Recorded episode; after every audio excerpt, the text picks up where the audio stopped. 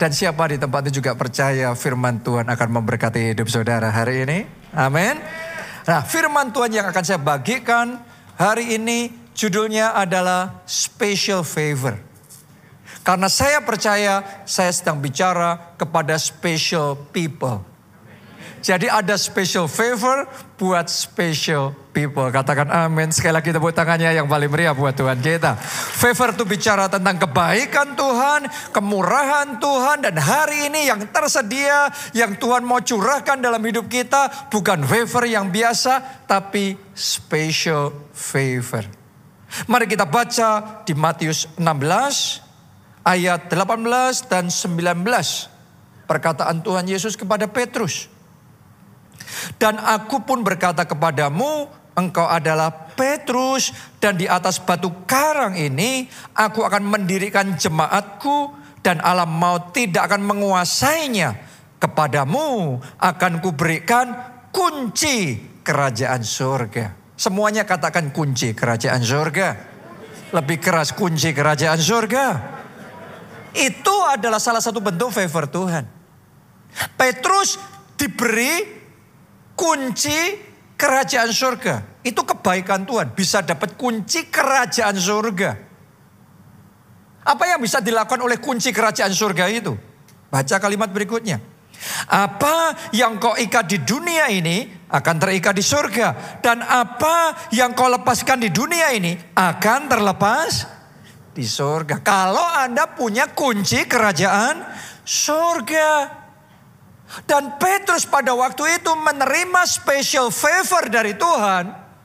Dia diberi kunci kerajaan surga. Doa saya hari ini sementara Anda terima pesan firman Tuhan ini. Seperti favor, seperti Petrus terima favor dari Tuhan. Anda pun juga terima special favor dari Tuhan. Anda pun juga diberi kunci kerajaan surga itu. Karena dengan kunci itu apa yang kita ikat di bumi terikat di surga. Apa yang kita lepaskan di bumi terlepas di surga. Kalau Anda terima special favor, kalau Anda terima kunci kerajaan surga, tahukah saudara, yang pertama yang akan Anda alami adalah special favor yang dari Tuhan itu akan membuat saudara terlepas dari semua belenggu yang mengikat hidupmu. Itu yang dialami oleh Petrus. Karena dia terima kunci kerajaan surga, maka ketika dia terbelenggu, belenggunya lepas. Ayo kita baca kisah para rasul 12 ayat 6 sampai ayatnya yang ketujuh.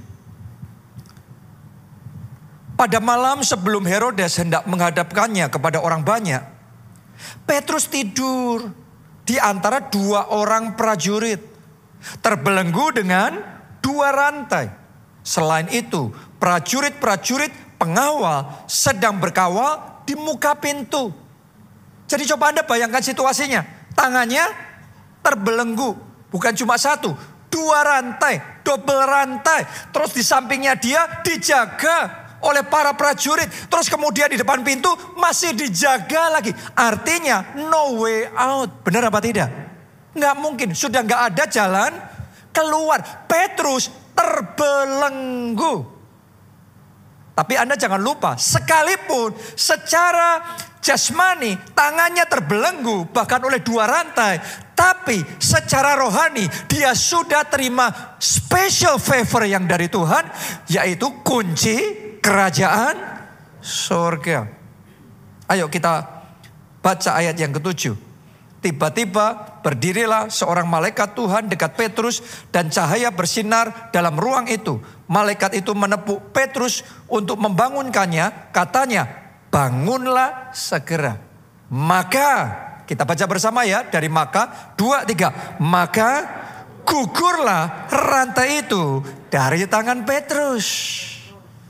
Karena ada kunci kerajaan surga. Karena ada favor yang dari Tuhan rantai yang membelenggu tangannya gugur. Saya berdoa hal yang sama Tuhan kerjakan dalam hidup saudara.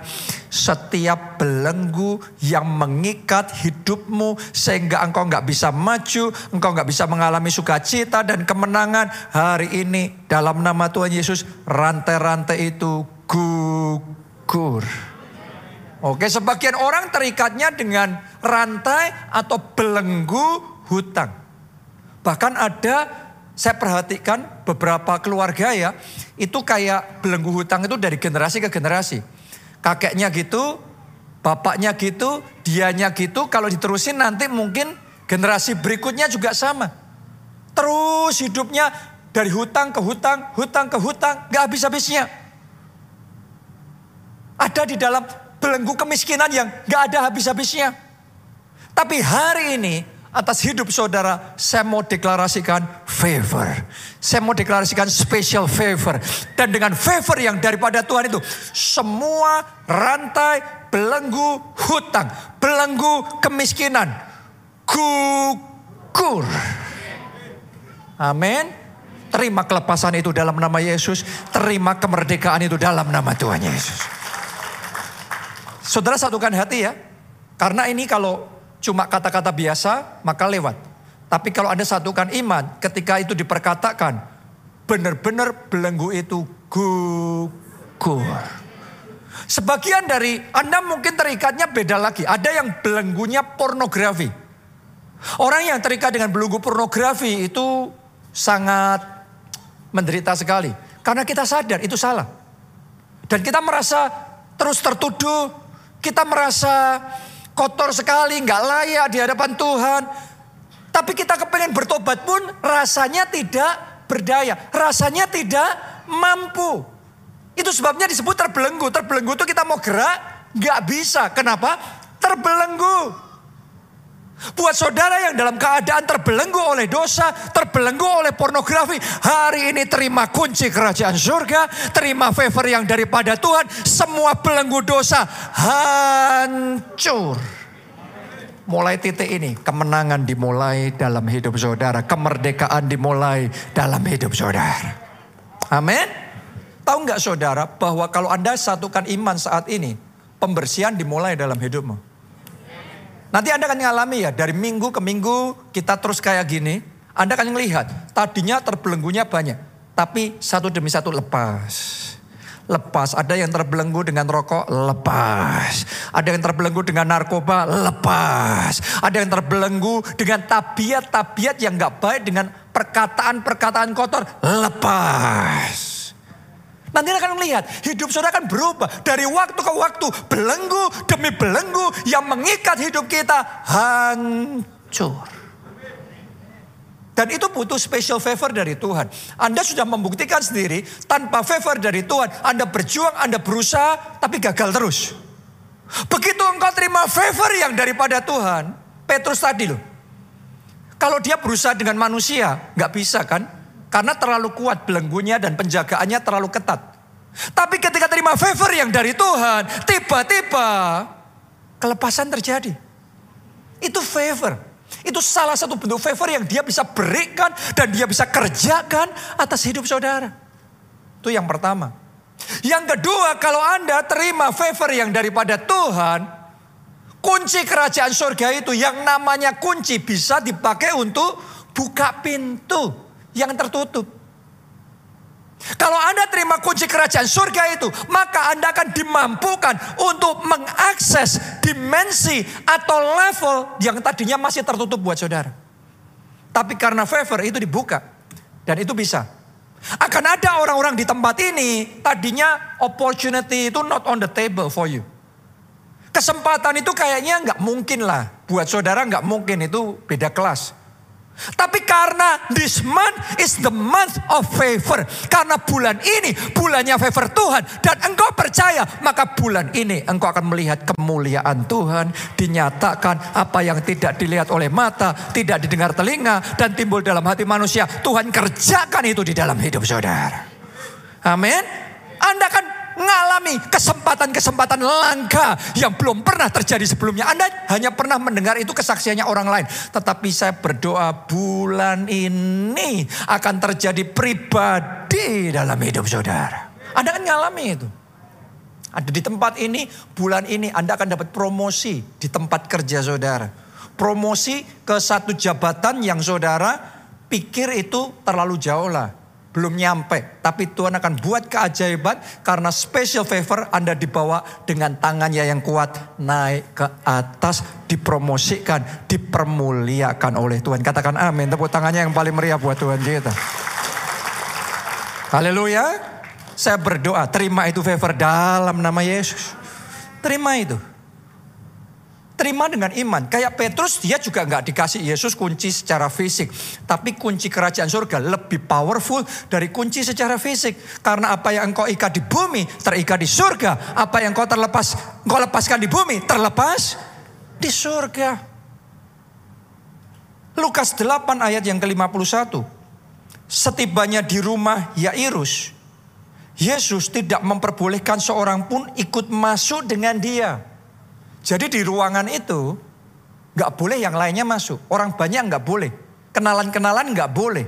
Bahkan murid-murid Yesus pun, murid-murid yang lain pun tidak boleh. Lanjutkan pembacaan kita. Kecuali Petrus, Yohanes, dan Yakobus, dan ayah anak itu serta ibunya. Oke, jadi hanya orang-orang tertentu diizinkan oleh masuk, diizinkan untuk masuk. Dikasih akses untuk masuk. Karena hari ini engkau percaya dan special favor itu Tuhan berikan sama saudara, maka mulai hari ini akan ada dimensi yang tadinya Anda belum nyampe ke sana tangan Tuhan yang bawa Anda akses masuk di situ. Ada proyek-proyek yang skalanya gak bisa Anda kerjakan sebelumnya. Tetapi karena special favor itu akan memampukan saudara handle skala proyek yang belum pernah bisa engkau kerjakan sebelumnya. Itu butuh favor dari Tuhan. Terus satu iman ya saudaraku ya. Satu iman. Karena ini kita sedang ngerjain sesuatu ini. Anda tidak sedang dengar dengar ceramah biasa. Anda sedang menerima impartasi favor yang dari Tuhan. Anda sedang diberi kunci kerajaan surga yang daripada atas. Dan itu akan mengerjakan sesuatu yang ajaib dalam hidup saudara. Kasih tepuk tangan buat Tuhan kita yang luar biasa. Saya masih ingat ketika dulu saya pernah cerita sama saudara gereja kita ini pernah jalan hampir 10 tahun terus kemudian tutup. Sampai akhirnya saya diutus untuk membuka kembali gereja kita ini. Sampai di momen tertentu. Awalnya juga nggak nggak bisa. Awalnya kayak nggak ketemu jalannya. Tapi sampai di titik tertentu seperti seolah-olah kita tuh dikasih kunci kerajaan surga untuk Jakarta. Kayak seolah-olah kita dikasih favor dari Tuhan untuk jalan di Jakarta. Begitu dapat itu, tiba-tiba, itu kayak tiba-tiba aja. Pintu-pintu terbuka, terobosan lagi, kemudahan, kelancaran. Padahal tadinya berat banget, susah banget. Tapi tiba-tiba kayak kita nih kasih sayap terbang sendiri. Bisa ini, bisa itu. Tadinya mimpi aja tidak. Itu favor. Ada berapa banyak orang dalam hidupnya berjuang, berjuang, berjuang, tapi kering. Gak ada hasilnya, mengecewakan. Tapi mulai hari ini special favor dari Tuhan diimpartasikan dalam hidup saudara. Kunci kerajaan surga diberikan kepada saudara. Sehingga apa yang selama ini berat. Tapi mulai hari ini kemudahan, kelancaran, kemenangan Anda nikmati dan jadi kesaksian di dalam kehidupanmu. Katakan amin terima itu dalam nama Tuhan Yesus. Amin. Saya berdoa Anda juga diberikan kunci kerajaan surga untuk memberitakan Injil dan menyelamatkan jiwa-jiwa. Sehingga ketika saudara ketemu sama teman, ketemu sama keluarga atau siapa pun, Anda kayak dikasih pengertian sama Tuhan. Orang ini ngalami kayak gini. Orang ini kebutuhannya seperti ini. Dan Anda bagikan rema firman Tuhan sesuai dengan kondisi orang itu. Roh Kudus jamah hatinya terbuka. Dia terima Yesus, terima keselamatan. Butuh kunci kerajaan surga butuh special favor yang daripada Tuhan. Saya bersyukur bulan ini buat saya sendiri pribadi saya tuh ngalami special breakthrough di dalam dimensi spirit. Tuhan bawa saya ngalami perjalanan dan pengalaman rohani yang belum pernah saya alami sebelumnya. It's all itu semua karena terima favor dari Tuhan. Dapat kunci masuk ke next level. Saya berdoa mulai hari ini Anda masuk ke next level di dalam perjuangan saudara, di dalam perjalanan iman saudara. Maju, gak stagnan, maju ke level berikutnya. Bahkan tahukah saudara yang namanya special favor daripada Tuhan bisa mendatangkan special exemption. Exemption itu pengecualian. Kalau Anda terima favor dari Tuhan, Anda dikecualikan. Contohnya Nuh. Sebangsanya zaman itu binasa semua karena air bah yang besar. Tapi karena favor dari Tuhan, kebaikan daripada Tuhan, Nuh selamat. Nuh dan seisi keluarganya selamat. Dikasih hikmat buat bahtera. Zaman itu belum ada hujan, belum ada banjir apalagi. Tapi Tuhan kasih hikmat buat bahtera. Diajari caranya dan dimampukan bahteranya jadi selamat dikecualikan. Itu juga yang dialami oleh Yosua dan Kaleb. Mari kita baca bilangan 14 ayat 30. Bahwasanya kamu ini tidak akan masuk ke negeri yang dengan mengangkat sumpah telah kujanjikan akan kuberi kamu diami. Ini Tuhan ceritanya sedang bicara sama bangsa Israel di bawah pimpinannya Musa karena saking banyaknya dosa mereka, sungut-sungutnya, tidak taatnya luar biasa. Sampai Tuhan ngomong, kamu, kamu walaupun aku sudah janji, tanah perjanjian, tanah kanaan itu, tapi kamu nggak bisa masuk. Dan karena itu mereka semua binasa di padang gurun. Tapi lihat nih, kalimat berikutnya indah sekali. Baca itu. Apa berikutnya? Kecuali saya percaya satu kata ini untuk beberapa orang di tempat ini jadi rema dalam hidup saudara. Kecuali hidupmu akan dikecualikan. Hidupmu akan dispesialkan. Ketika dunia di dalam kegelapan. Tapi untuk hidupmu ada terang kemuliaan Tuhan yang bercahaya, bersinar, menerangi hidup saudara. Amin. Haleluya. Kecuali Kaleb bin Yefuna dan Yosua bin Nun.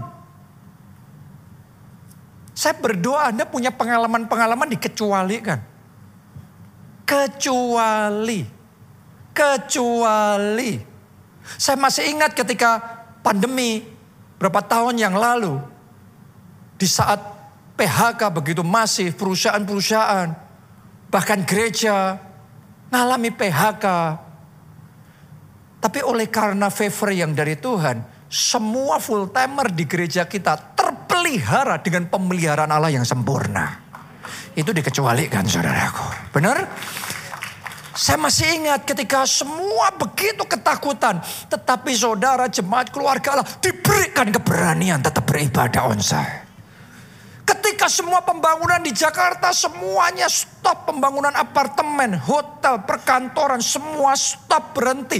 Tapi pembangunan gereja kita dipik dari lantai satu naik lantai dua, naik lantai tiga, naik lantai empat sampai lantai sembilan. Jadi dikecualikan.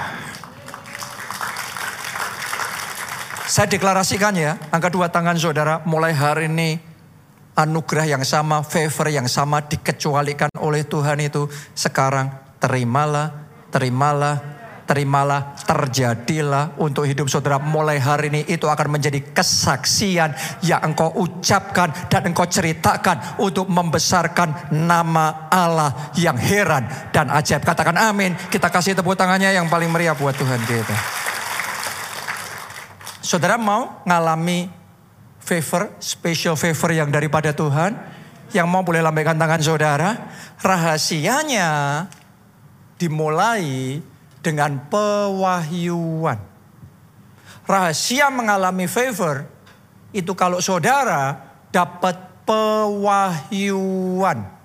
Maksudnya gimana? Kok ngalami favor dari pewahyuan? Mari kita baca dulu. Matius 16 ayat 15 sampai 19. Lalu Yesus bertanya kepada mereka. Mereka ini semua muridnya, semua murid Yesus yang ada di situ waktu itu. Yesus bertanya kepada mereka, Tetapi apa katamu, siapakah aku ini? Ayat 16. Maka jawab siapa? Simon Petrus. Yang ditanya siapa? Semuanya. Semua murid ditanya. Yang bisa jawab siapa? Simon Petrus. Yang tahu jawaban untuk pertanyaan itu siapa? Simon Petrus. Yang dapat pewahyuan siapa? Simon Petrus. Jawab Simon Petrus, engkau adalah Mesias, anak Allah yang hidup. Kata Yesus kepadanya, berbahagialah engkau Simon Biunus sebab bukan manusia yang menyatakan itu kepadamu, menyatakan itu, mewahyukan itu, menyingkapkan itu kepadamu. Revelation, pewahyuan ini. Bukan manusia yang mewahyukan itu kepadamu, melainkan Bapakku ya di surga. Yesus ngomong, untuk kamu yang terima pewahyuan Petrus, kamu bahagia. Lihat saudaraku, Yesus nggak ngomong sama semua muridnya. Sama Petrus yang dapat pewahyuan. Lihat ayat berikutnya. Dan aku pun berkata kepadamu. Bukan mereka loh. Padahal Yesus sumber favor ada di situ. Murid-muridnya semuanya yang ditanya, yang siap dikasih favor, semuanya ada di situ. Tapi yang di waktu itu dapat favor dari Tuhan satu. Simon Petrus. Yesus ngomong begini, dan aku pun berkata kepadamu, engkau adalah Petrus, dan di atas batu karang ini aku akan mendirikan jemaatku, dan alam maut tidak akan menguasainya. Kepadamu, bukan kepada mereka. Karena mereka belum dapat, mereka belum nangkap pewahyuannya. Kepadamu akan kuberikan kunci kerajaan surga. Jadi yang dapat kunci kerajaan surga adalah yang dapat pewahyuan. Mau terima favor yang dari Tuhan? Mau terima special favor yang daripada Tuhan? Mau terima kunci kerajaan surga yang daripada Tuhan? Dapatkan pewahyuan terlebih dahulu. Karena pewahyuan, kita ngerti satu dimensi tentang Tuhan, itu yang membawa satu favor dari Tuhan mengalir dalam hidup kita. Kalau Anda belum ngerti nggak bisa. Padahal Tuhan mau kasih favor itu. Bukan Tuhan pilih kasih hanya maunya ke Petrus. Tuhan mau ngasih semuanya. Tapi hanya ketika mereka nangkep pewahyuan itu. Baru mereka bisa terima favor yang sama. Contoh. Yesus Kristus sudah turun ke dunia, mati bagi kita di kayu salib, supaya barang siapa yang percaya tidak binasa, melainkan beroleh hidup yang kekal. Anda percaya itu? Karena itu Anda memperoleh favor, anugerah, keselamatan, jaminan keselamatan dalam kerajaan surga. Benar? Tapi di luar sana banyak orang belum terima pewahyuan itu loh. Banyak orang belum bisa melihat bahwa engkaulah Mesias, anak Allah yang hidup, sang juru selamat dunia. Walaupun Yesus sudah mati buat mereka, walaupun Yesus mau kasih keselamatan buat mereka, tanpa pewahyuan mereka belum bisa terima anugerah itu. Jadi anugerah bisa kita terima ketika pewahyuan itu masuk dalam hidup kita. Makanya saudara kalau momen firman Tuhan disampaikan Anda sambil WhatsApp, sambil sosial media sebenarnya kerugian di pihak saudara. Karena Tuhan itu mau sebenarnya impartasikan special favor itu bukan istilah, bukan cuma judul yang indah, tapi itu real. Tuhan tuh mau ngasih sehingga tuh ngalami pribadi luar biasa. God is so good, God is so good. Tuhan mau engkau alami itu. Tapi kalau engkau belum dapat revelationnya, engkau belum bisa menerimanya. Dari antara semua murid Yesus, pada waktu itu baru Petrus yang ngalami itu. Dan Petruslah yang terima kunci kerajaan surga. Hari ini saya berdoa. Tidak, tidak ada seorang pun di antara kita yang hanya terima favor biasa. Dalam hidupmu engkau dispesialkan, engkau diistimewakan, engkau akan terima special favor kunci kerajaan surga. Apa yang engkau terikat di bumi, terikat di surga. Apa yang kau lepaskan di bumi, terlepas di surga. Ada yang percaya, katakan amin. Kita kasih tepuk tangannya yang paling meriah buat Tuhan kita. Dan karena itu saya ajak saudara terus bertumbuh di dalam pewahyuan. Mengenal Tuhan lebih lagi. Karena begitu Anda dibukakan lebih lagi, maka dimensi dimensi favor yang lebih lagi, dimensi favor yang lainnya itu akan memperkaya hidupmu. Hari demi hari engkau mengalami Tuhan lebih lagi. Engkau akan mengalami Tuhan sebagai Jehovah Rafa. Engkau akan mengalami Tuhan sebagai Jehovah Jireh. Engkau akan mengalami Tuhan sebagai gembala yang baik. Engkau akan mengalami Tuhan sebagai Bapak yang baik. Engkau akan mengalami Tuhan sebagai Allah yang perkasa. Engkau akan mengalami Tuhan sebagai Allah yang mendengar dan menjawab doa-doamu. Oh, itu dimensi demi dimensi favor itu Anda bisa alami kalau saudara dapat pewahyuan lebih lagi. Lebih lagi. Makanya ini momen ketika firman dibagikan kayak gini. Ini sesuatu disingkapkan. Sesuatu dicelikkan. Engkau percaya dan dengan iman engkau terima. Maka special favor akan ada alami dalam hidupmu.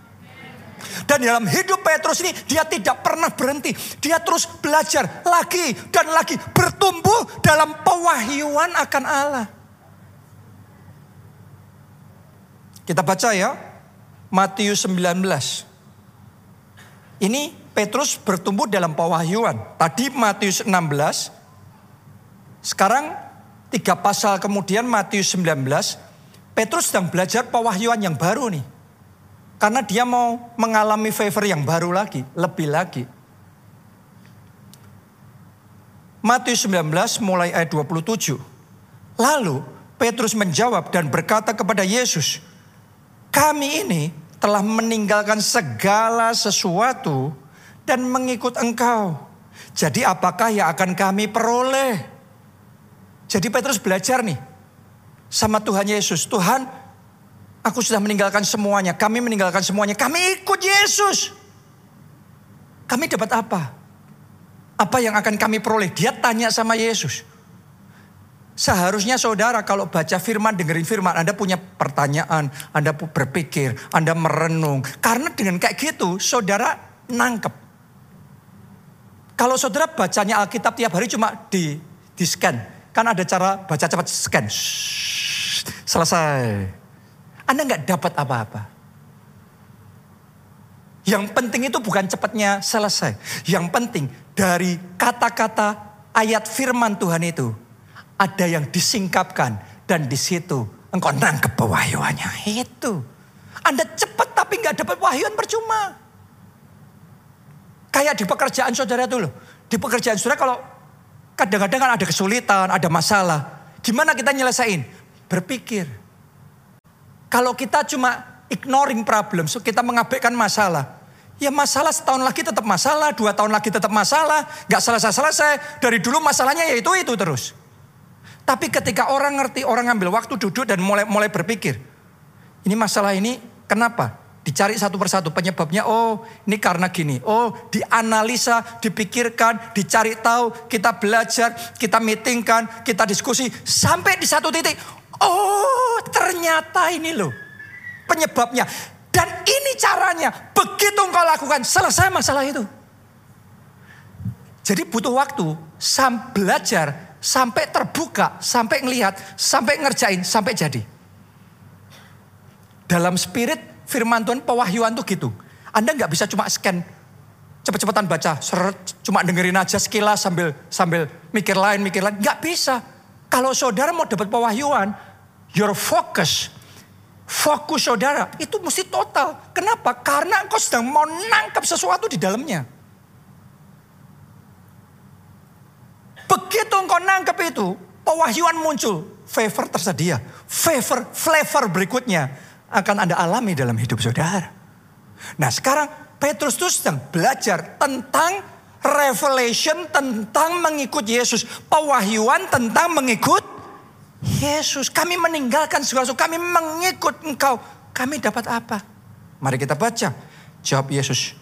Ayat 28. Anda di sini mau ikut Yesus? Yang mau ikut Yesus lambaikan tangan saudara? Nah, yang Yesus ngomong ini adalah janji buat saudara semuanya yang percaya. Dan saya berdoa Anda bisa mengalami yang Yesus perkatakan ini. Oke?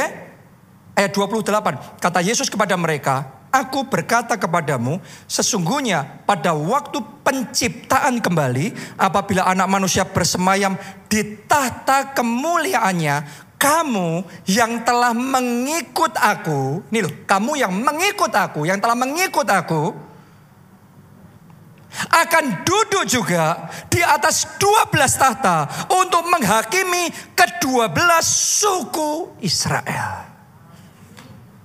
Tahu nggak saudara? Anda ikut Yesus itu bukan barang murah.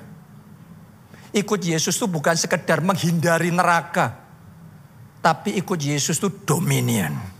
Yesus ngomong pada hari penciptaan, kamu, kamu yang mengikut aku, aku dudukkan di atas tahta, 12 tahta untuk memerintah. Oh. Saya berdoa, Anda bisa nangkep itu. Anda akan diangkat sebagai pemerintah-pemerintah. Anda akan diangkat sebagai pejabat-pejabat besar kerajaan Allah. Itu yang mengikut Yesus. Makanya saya mau ngikut Yesus sungguh-sungguh. Ikut Yesus itu bukan barang murah. Tapi kalau Anda nggak ngerti revelationnya, Anda perlakukan barang mahal sebagai barang murah. Lanjutkan lagi. Berikutnya. Dan Yesus ngomong gini, setiap orang yang karena namaku meninggalkan rumahnya, saudaranya laki-laki, atau saudaranya perempuan, bapak atau ibunya, anak-anak atau ladangnya, akan menerima kembali seratus kali lipat dan akan memperoleh hidup yang kekal. Ini perkataan Yesus juga dicatat di kitab Markus. Di kitab Markus itu lebih jelas lagi ditulisnya begini pada masa ini juga kamu akan menerima kembali seratus kali lipat. Dan pada masa yang akan datang, kamu akan menerima hidup yang kekal. Jadi diperjelas seratus kali lipatnya itu pada masa ini juga. Dan daftarnya jelas tadi itu. Saudaranya, keluarganya, rumahnya, ladangnya. Bukan hanya nanti di sana, tapi pada masa ini juga kamu akan menerima kembali seratus kali lipat. Oh saya berdoa revelation ini Anda bisa tangkap ketika Anda komitmen ikut Yesus dengan sungguh-sungguh engkau akan diangkat memerintah bersama Yesus dan juga pada masa ini engkau mengalami favor seratus kali lipat. Engkau mengalami mujizat seratus kali lipat. Berkat seratus kali lipat. Kemenangan seratus kali lipat. Jadi berkat seratus kali lipat. Menolong orang yang susah seratus kali lipat lipat. Menyelamatkan jiwa-jiwa seratus kali lipat. Menyekolahkan anak-anak yatim piatu seratus kali lipat. Bersaksi membesarkan nama Tuhan. Berbuah lebat buat kerajaan Allah seratus kali lipat. Amin. Sebagian pendeta, hamba Tuhan dan banyak orang Kristen belum mampu menangkap pewahyuan ini. Seperti tadi loh. Hanya Petrus yang nangkap pewahyuan itu. Murid-murid yang lainnya belum. Baru setelah waktu mereka satu persatu nangkep, nangkep, nangkep. Jadi ada prosesnya. Banyak pendeta nggak bisa nangkep. Makanya di internet ada banyak pengajaran yang seolah-olah menganggap salah tuayan 100 kali lipat. Apa itu tuan berlipat kali lipat? Mereka tuh tanpa sadar menyalah-nyalahkan Yesus. Karena yang ngomong ini Yesus sendiri. Top otoritas. Otoritas tertingginya. Kamu yang karena namaku meninggalkan ini, ini, ini. Dikasih listnya kan? Jelas loh. Yesus itu jelas. Kontraknya jelas. Pada masa ini juga kamu akan menerima kembali seratus kali lipat. Dan pada masa yang akan datang hidup yang kekal. Banyak pendeta, banyak orang Kristen hanya terima revelation nanti hidup yang kekal. Nanti di surga di sana, upahku besar di surga di sana, bahagiaku besar di surga di sana.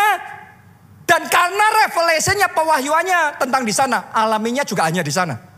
Tapi saya berdoa buat jemaat keluarga Allah, bukan hanya di sana. Revelation tuayan 100 kali lipat pada masa ini juga Anda alami. Katakan amin, amin. Tepuk tangannya yang paling meriah buat Tuhan kita. Makanya di dalam mempelajari firman Tuhan, jangan Scanning, jangan skip. Orang kalau cuma baca ayat-ayat tadi itu cepat-cepatan. Anda miss banyak hal. Padahal di dalamnya terkandung janji yang besar sekali. Dan di dalam pewahyuan mengikut Yesus, Anda harus ngerti. Mengikut Yesus itu in stages. Ada tahapan-tahapannya. Ya, susah untuk kita langsung lompat, langsung tiba-tiba ke tahapan yang jauh lebih. Dimulai dari beginner. Orang kalau mengikut Yesus, langkah beginnernya mengikut Yesus adalah ikut Yesus dengan sukarela. Semuanya katakan sukarela. Jadi mengikut Yesus dengan sukarela. Kita baca dulu aja ayatnya. Uh, 2 Korintus 9 ayat 6 sampai 7. Camkanlah ini, orang yang menabur sedikit akan menuai sedikit juga. Dan orang yang menabur banyak akan menuai banyak juga. Hendaklah masing-masing memberikan menurut kerelaan hatinya Jangan dengan sedih hati atau karena paksaan. Sebab Allah mengasihi orang yang memberi dengan sukacita. Kalau tadi Anda ibadah karena dipaksa, di sini Anda sedih. Tapi kalau saudara beribadahnya dengan sukarela, Anda sukacita. Dan itu ibadah yang berkenan di hadapan Tuhan. Bu, jadi Tuhan itu karena dia spirit, yang dia lihat itu bukan hanya kehadiran jasmaninya kita, tapi spirit kita, hati di baliknya. Dan doa saya, jemaat keluarga Allah, beribadahnya dengan sukarela, beribadahnya dengan sukacita, itu ibadah yang menyenangkan hati Tuhan. Amin. Saya berdoa para pelayan Tuhan di tempat ini. Di sini kan ada Pak Nehemia, Ibu, dan semua tim ya Pak Chanwo, Bu Ing, ya, semua tim yang ada di sini. Saya berdoa semuanya melayani Tuhan dengan sukarela, dengan sukacita, karena itu pelayanan yang berkenan, pelayanan yang menyenangkan hati Tuhan. Amin, haleluya. Kerelaan hati. Anda yang memberi, memberi dengan sukacita, memberi dengan rela hati di gereja kita berapa kali saya mengulang kalau kita memberikan persembahan dengan tanpa sukacita lebih baik jangan. Karena itu bukan berkenan di hadapan Tuhan, sia-sia. Jadi pastikan setiap pemberian saudara pemberian yang dengan kerelaan hati. Karena Tuhan tuh ngelihat hati saudaraku. Anda harus ngerti loh, tidak semua persembahan itu diterima.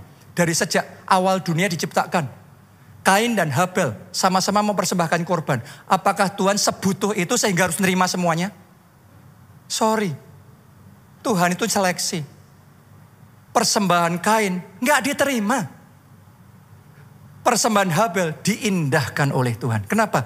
Tuhan melihat hati doa saya hari ini Ketika Tuhan melihat hatimu dalam memuji, menyembah, itu adalah pujian yang berkenan dan penyembahan yang harum, yang menyenangkan hati Tuhan. Boleh katakan amin, tepuk tangannya yang paling meriah buat Tuhan kita. Karena itu lakukanlah dengan kerelaan hati, dengan sukarela, dengan sukacita. Itu yang pertama.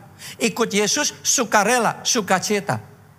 Tapi saya mau ngomong begini sama saudara, jangan stuck di langkah pertama saja Ayo maju ke langkah berikutnya. Ke tahap, ke level berikutnya. Apa level berikutnya? Level berikutnya adalah ikut Yesus dengan perjanjian. Dengan komitmen. Kita baca bersama 1 Korintus 9 ayat yang ke-16. Ini perkataan Rasul Paulus. Karena jika aku memberitakan Injil, aku tidak mempunyai alasan untuk memegahkan diri. Sebab itu adalah keharusan bagiku. Celakalah aku jika aku tidak memberitakan Injil. Kenapa kok Paulus ngomong kayak gitu? Apakah kalau Paulus ngomong celakalah aku jika aku tidak memberitakan Injil, terus kita bisa ambil kesimpulan doktrin bahwa kalau kita tidak memberitakan Injil, kita bakal celaka semuanya masuk neraka? No, bukan itu yang dimaksudkan oleh Paulus. Maksudnya Paulus adalah pemberitaan Injil, bersaksi buat dia itu sebuah perjanjian antara dia sama Tuhan. Kalau buat orang lain yang namanya bersaksi itu ya, ya kalau pas hatinya mantep, kalau pas tergerak, kalau pas nggak sungkan, pas tepat waktunya, baru memberitakan Injil, baru bersaksi. Tapi buat Paulus dia tuh sudah buat deal sama Tuhan. Tuhan, hidupku milik Tuhan, hidupku adalah Kristus, mati adalah keuntungan. Kalau aku beri kesempatan untuk hidup, hidupku untuk bersaksi, hidupku untuk menyelamatkan jiwa-jiwa. Karena itu bagiku memberitakan Injil keharusan. Bagi orang lain tidak loh. Karena ini urusan pribadi kita sama Tuhan. Jadi buat orang lain tuh pilihan, kebebasan, kalau mood, kalau pas. Tapi buat Paulus, bagiku itu keharusan. Dan celaka aku kalau aku tidak memberitakan Injil. Kenapa? Karena dia sudah ngambil covenant, perjanjian sama Tuhan. Deal with Jesus. Jadi bukan hanya dia lakukan pemberitaan Injil dengan kerelaan, tapi dia tambahkan dengan komitmen, dengan covenant, dengan perjanjian. Saya tantang saudara semua. Ayo kita maju ke level berikutnya. Dulunya saya beribadah dengan kerelaan. Kalau pas nggak rela, ngapain? Nggak, anyway juga nggak ada yang bisa paksa saya. Tapi sekarang buat orang lain itu ibadah kalau sempat, kalau ada waktu, kalau nggak ada janjian. Tapi buat saya itu adalah perjanjian. Buat orang lain doa pribadi setiap hari sama Tuhan, perenungan firman tiap hari itu kalau sempat. Tapi buat saya, saya tuh tanggung jawab saya banyak saudaraku. Kalau ngikutin logika yang tadi itu, mungkin saya nggak akan pernah punya waktu. Tapi saya mau ngomong begini sama saudara, karena itu sebuah perjanjian. Punya waktu atau nggak punya waktu, harus punya. Dan itu bukan sekedar punya. Dalam hidup saya, hubungan pribadi sama Tuhan itu porsi terbesar. Itu yang paling utama. Bagimu itu adalah pilihan, bagiku keharusan. Bagi orang lain kalau sempat, bagiku harus sempat. Prioritas. Bagiku itu keharusan. Itu walk with Jesus, berjalan bersama Yesus. Melayani Tuhan itu komitmen hidup. Sekali Yesus, hidupku sampai putih rambutku, sampai akhir nafasku, selamanya hidupku milik Yesus. Sekali Yesus tetap Yesus. Dalam hal memberi pun juga sama. Memberi dulu saya dengan kerelaan good, tapi saya diajak Tuhan naik level from good to great. Bukan hanya baik, tapi lebih lagi perjanjian. Karena itu yang pertama saya lakukan, saya komitmen sama Tuhan. Saya kembalikan persepuluhan terlebih dahulu. Bukan karena terpaksa. Tapi itu perjanjian buat orang lain gak harus. Buat aku harus.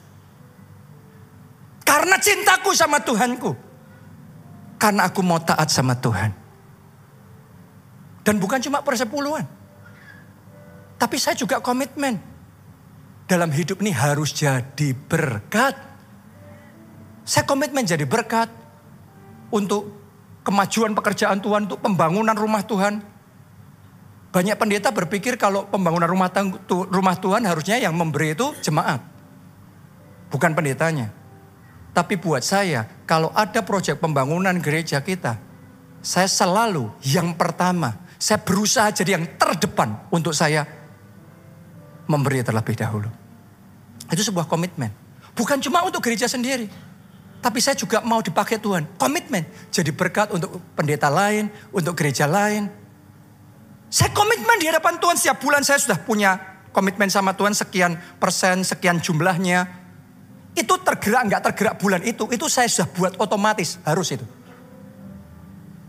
Harus itu. Saya mau saya ngomong sama Tuhan Tuhan pakai aku menyekolahkan anak-anak yang nggak bisa sekolah. Pakai aku menyediakan tempat tinggal buat orang yang nggak punya tempat tinggal. Pakai aku melunasi hutang-hutang orang yang sudah tidak ada harapan. Tuhan pakai hidupku. Itu komitmen, itu bukan sekedar pas hari bulan ini mood ya jalan, bulan depan lima bulan berikutnya nggak mood nggak jalan. No no no no, ini Buatmu itu kebebasan, buatku keharusan. Karena itu covenant. Setelah itu saya mau masuk lebih lagi di levelnya Sakeus. Anda masih ingat nggak Sakeus? Lukas 19 ayat 8 ngomong begini. Tetapi Sakeus berdiri dan berkata kepada Tuhan, Tuhan setengah dari milikku, setengah dari milikku akan kuberikan kepada orang miskin dan sekiranya ada sesuatu yang kuperas dari seseorang akan kukembalikan empat kali lipat. Ini bukan cuma 10% dari penghasilan. Ini 50% dari semua harta milik. Ini dahsyat sekali ini komitmennya.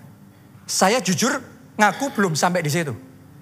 Dulu sudah sih, pas saya belum punya banyak, masih punyanya sedikit ditantang Tuhan, berikan semuanya, semua saya berikan. Hore, haleluya. Dan saya hidup itu bertahun-tahun dalam hidup saya.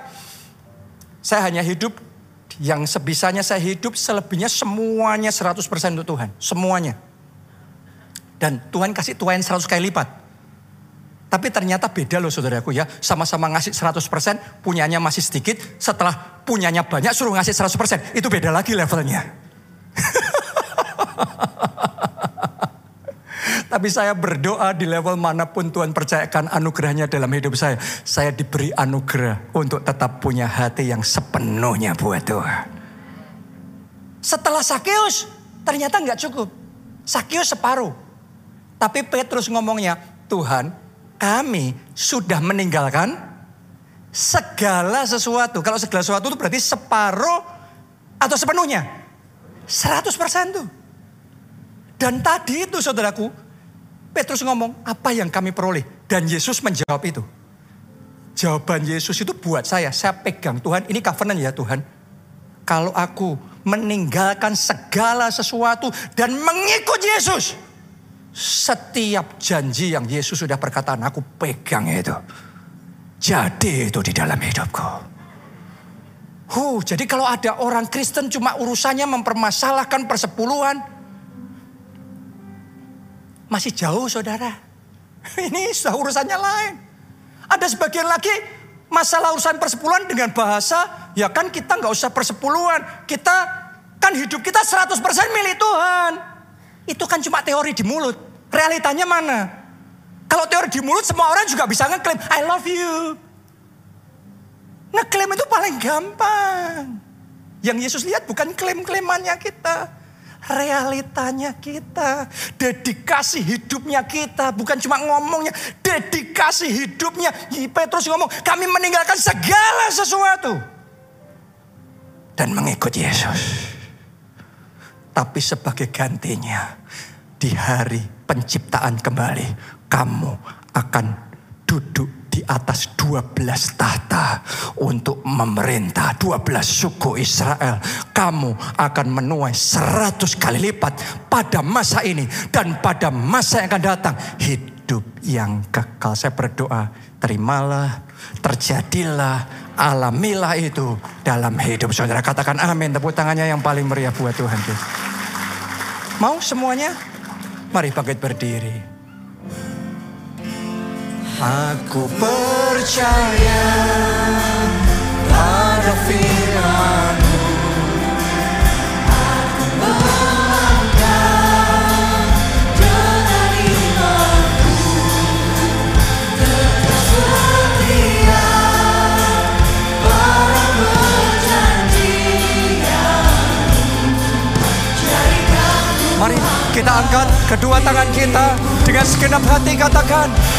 Aku percaya pada firmanmu.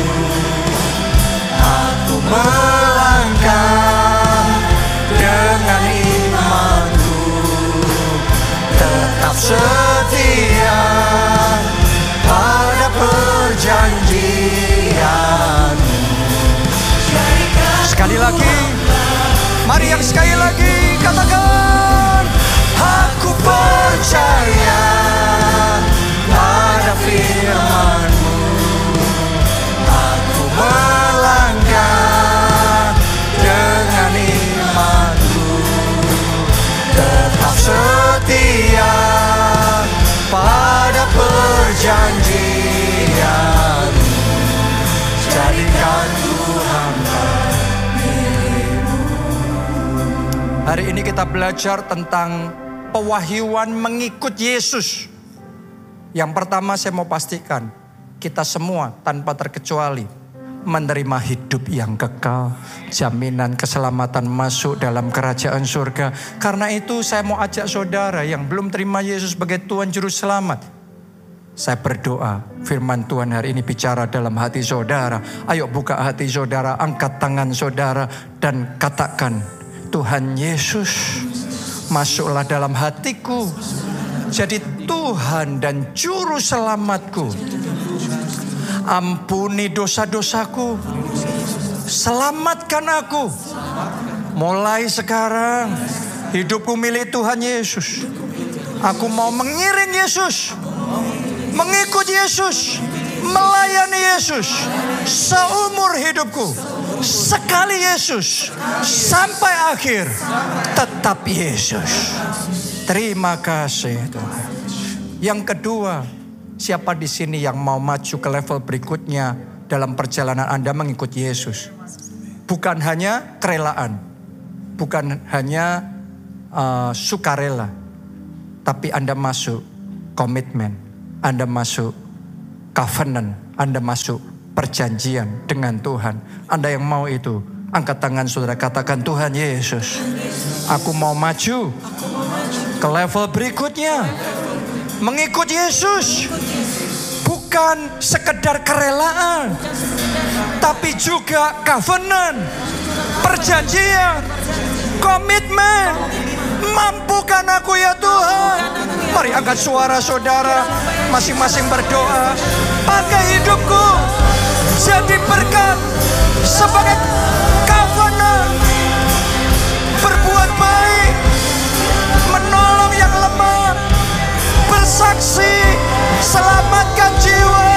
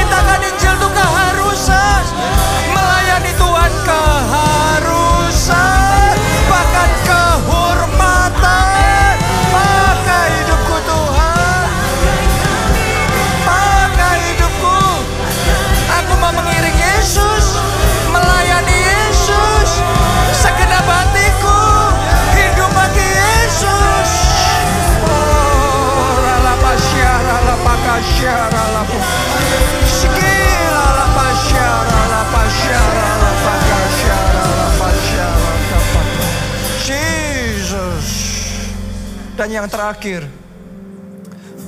saya mau berdoa buat saudara semua supaya apa yang dialami Petrus diterima Petrus, Anda juga bisa alami dan terima dalam hidup saudara.